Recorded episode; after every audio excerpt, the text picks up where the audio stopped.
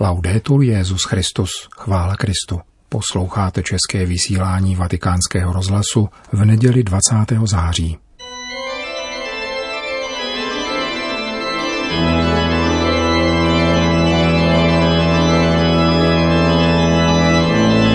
Církev a svět, náš nedělní komentář.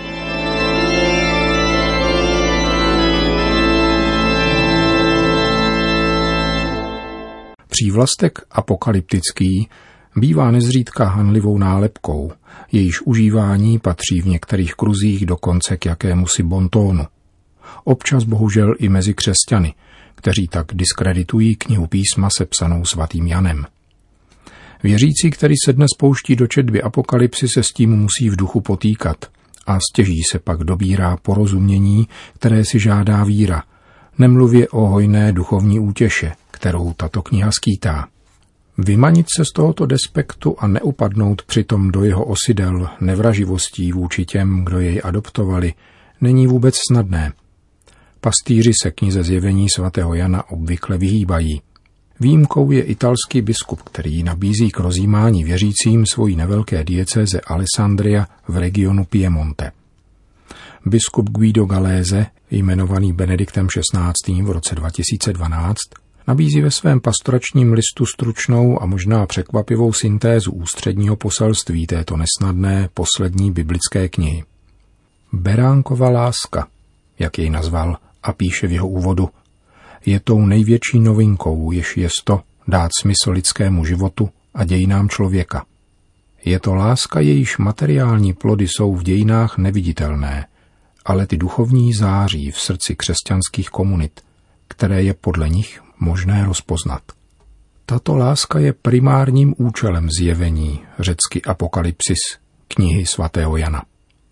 Když totiž beránek začíná lámat pečeti, aby zjevil smysl dějin, vychází od sebe a představuje se jako první apokalyptický jezdec. Jeho láska dává smysl všemu, co se ve světě stane a odporuje pesimistickému či nihilistickému výkladu negativních dějných událostí. Všechno je zúrodněno dobrem, jehož ovoce plně dozraje na konci časů také chronologicky. Porozumět této lásce a snažit se jí okoušet je podstata křesťanského života. Zjevení svatého Jana je prorocká kniha, jediná z Nového zákona, která konkrétně a uspořádaně prezentuje život církve od Kristovy oběti až po chystanou Beránkovu svatbu. Tento prorocký text má literární styl, jehož jméno bylo odvozeno ze samotného textu, totiž apokalyptický. Užívá obrazy, vize, znamení, čísla a liturgie. Je to jazyk na první pohled kryptický, ale stává se mimořádně precizním v míře, v jaké se do něho proniká. V některých otázkách je z Nového zákona dokonce nejzřetelnější. Apokalypsa znamená zjevení a již první verš deklaruje, že cílem knihy je ukázat, co se musí v brzku stát. Ukázat neznamená sdělit ani vyprávět. Je to záležitost obrazů a vizí. Prorocký text se člení do dvou prorockých dimenzí. Ta všednější se týká přítomnosti a spočívá v umění vykládat dnešek ve světle Božího slova. A ta spletitější se týká budoucnosti – a spočívá v předjímání toho, co se stane. Tuto druhou dimenzi popisují výrazně lidsky, píše biskup Galéze, protože u Boha tomu tak není. On se nestará o to, abychom o věcech věděli dříve, než k ním dojde, ale abychom je, až nastanou, mohli prožívat přijímáním správných rozhodnutí, tedy ve víře a důvěře v něho. Nicméně člověk, poznávající tyto události, má tendenci se jich zmocnit, kontrolovat je – a stát se jejich prvním hybatelem. Proto dává Bůh na místo prostého a bezprostředního proroctví přednost jinému stylu, kterým věci, které se stanou, předjímá. Chce nás totiž nasměrovat několik předvídání, nýbrž bezvýhradnému svěřování se jeho prozřetelnosti. Biskup Galéze věnoval apokalypse již loňský pastýřský list nazvaný Logos proroctví, ve kterém se věnoval vzkazům sedmi církevním obcím, jež uvozují knihu zjevení. Jeho letošní pastýřský list, ze kterého zde citujeme, se věnuje zbývajícímu obsahu knihy svatého Jana. Stojíme před obsáhlou počáteční vizí, která ústí do scény sedmi pečetí, jejíž rozlomení zjevuje smysl dějin. Sedmá pečeť spustí sedmero polnic, které oznamují Velký den páně. Zatroubení sedmé polnice odstartovává sedm ran, jež mají povolat k obrácení ničemníky, kteří nechtěli slyšet zvuk polnic, a to zakoušením účinků zla. Během dějin totiž ti, kdo páchají zlo, nejsou nezbytně přímými adresáty jeho účinků, což je nezřídka lidmi považováno za nespravedlnost. Zlo často doléhá na jiné, dokonce nevinné lidi. Sedm ran však dává pocítit konsekvence zla bezprostředně samotným ničemníkům s cílem povolat je k dobru. To vše se stane dříve, než uplyne lhůta, definitivní válkou dobra proti zlu a posledním soudem. Po něm přijde nové nebe a nová země a chystaná Beránkova svatba. Tolik biskup Galéze pouze v úvodu svého pastoračního listu, ve kterém jednoduše a účinně přivádí k apokalyptické kontemplaci tajemství dějin spásy v nynější době.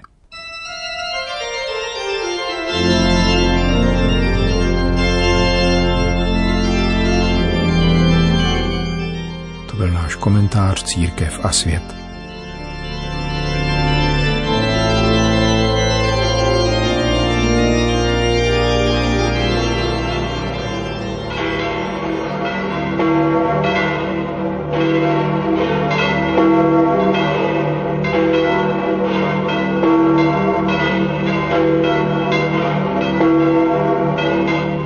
Několik stovek lidí se předpolednem sešlo na svatopetrském náměstí, aby si vyslechli pravidelnou nedělní promluvu Petrova nástupce před mariánskou modlitbou Anděl Páně.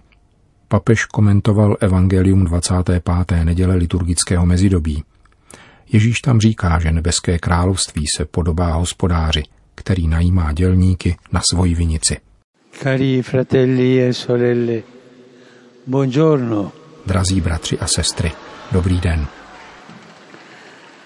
L'odierna pagina evangelica narra la parabola dei lavoratori Dnešní evangelium vypráví podobenství o dělnících, kteří jsou v průběhu dne hospodářem povoláni, aby pracovali na jeho vinici. Tímto příběhem nám Ježíš ukazuje překvapivý způsob božího jednání, představovaný dvojím přístupem hospodáře, který povolává a odměňuje. Prvním postojem je povolání. Pán vinice pětkrát během dne vychází na náměstí, aby najal dělníky k práci na svoji vinici. V šest hodin, v devět, ve dvanáct, ve tři a v pět odpoledne. Působivý je obrázek tohoto hospodáře, který několikrát za den vychází ven, aby hledal dělníky pro svoji vinici. Hospodář představuje Boha, který povolává všechny a povolává neustále. Tak to jedná Bůh i dnes – nadále volá kohokoliv a kdykoliv, aby nabídl práci na svém království. Takový je boží styl, který jsme povoláni přijmout a napodobovat. Bůh nezůstává uzavřen ve svém světě, ale neustále vychází. Stále vychází hledat nás. Není odloučený. Bůh vychází hledat lidi, protože ze svého plánu lásky nechce vyloučit nikoho. Také naše komunity jsou povolány vycházet z nejrůznějších možných ohraničení, aby nabízeli všem slovo spásy, kterou nám přinesl Ježíš. Je třeba se otevřít horizontům života, jež nabízejí naději těm, kdo obývají existenciální periferie a dosud nezakusili nebo ztratili sílu a světlo ze setkání s Kristem.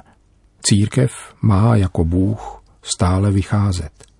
Pokud církev nevychází roznemůže se spoustou nešvarů, které máme v církvi. A proč jsou v církvi tyto choroby? Protože nevychází. Je pravda, že vycházením vzniká nebezpečí úrazu. Lepší je však církev, která havaruje při vycházení, tedy hlásání evangelia, než církev stonající uzavřeností. Bůh vždycky vychází, protože je otcem, protože má rád. Církev si má počínat stejně, stále vycházet. Il secondo atteggiamento del padrone che rappresenta quello di Dio è il suo modo di ricompensare i lavoratori. Come paga Dio? Druhý postoj hospodáře, který představuje Boha, je jeho způsob odměňování dělníků. Jak odměňuje Bůh? Hospodář s prvními dělníky přijatými ráno smluvil denár. Těm, kteří se přidali potom, řekl, dám vám, co bude spravedlivé. Na konci dne pán vinice nařídí dát všem stejnou odměnu, tedy jeden denár. Ti, co pracovali od rána, se rozhorčili a reptali proti hospodáři. Ale on trvá na svém. Chce dát maximální odměnu všem, i těm, kteří přišli poslední. Bůh platí vždycky maximum. Neplatí polovičatě. Platí všechno. A tady je zřejmé, že Ježíš nemluví o práci a její spravedlivé odměně, což je jiný problém. Nýbrž o božím království a dobrotě nebeského Otce, který neustále vychází, zve a platí maximum všem. Tak totiž jedná Bůh. Nehledí na čas a na výsledky, nýbrž na ochotu a velkorysost těch, kteří se dávají do jeho služeb. Il suo agire è più che giusto, nel senso che va oltre la giustizia e si manifesta nella grazia. Jeho jednání je víc než spravedlivé, v tom smyslu, že přesahuje spravedlnost a projevuje se v milosti. Všechno je milost. Naše spása je milost, naše svatost je milost. Obdařuje nás darem milosti víc, než zasluhujeme. Kdo uvažuje lidskou logikou, tedy na základě zásluh získaných svojí dovedností, stává se z prvního posledním. Říká si, já jsem se tolik napracoval, tolik jsem pro církev udělal a platí mi stejně jako tomu, kdo přišel poslední. Pamatujme, kdo byl prvním kanonizovaným svědcem v církvi? Dobrý Lotr. Ukradl nebe v poslední chvíli svého života. Toto je milost. Takový je Bůh i k nám všem. A ten, kdo se pokorně svěřuje Otcovu milosedenství, stává se jako dobrý Lotr z posledního prvním. Maria Santissima Nejsvětější Maria, ať nám pomáhá vnímat každý den radost a úžas z toho, že jsme Bohem povoláni pracovat pro něho, na jeho poli, kterým je svět, na jeho vinici, kterou je církev, a mít jako jedinou odměnu jeho lásku, Ježíšovo přátelství.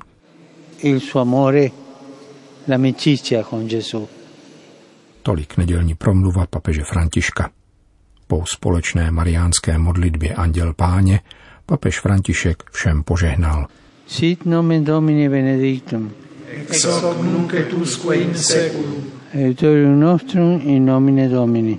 qui fecit celum et terram, Benedicat vos, omnipotens Deus, Pater, et Filius, et Spiritus Sanctus.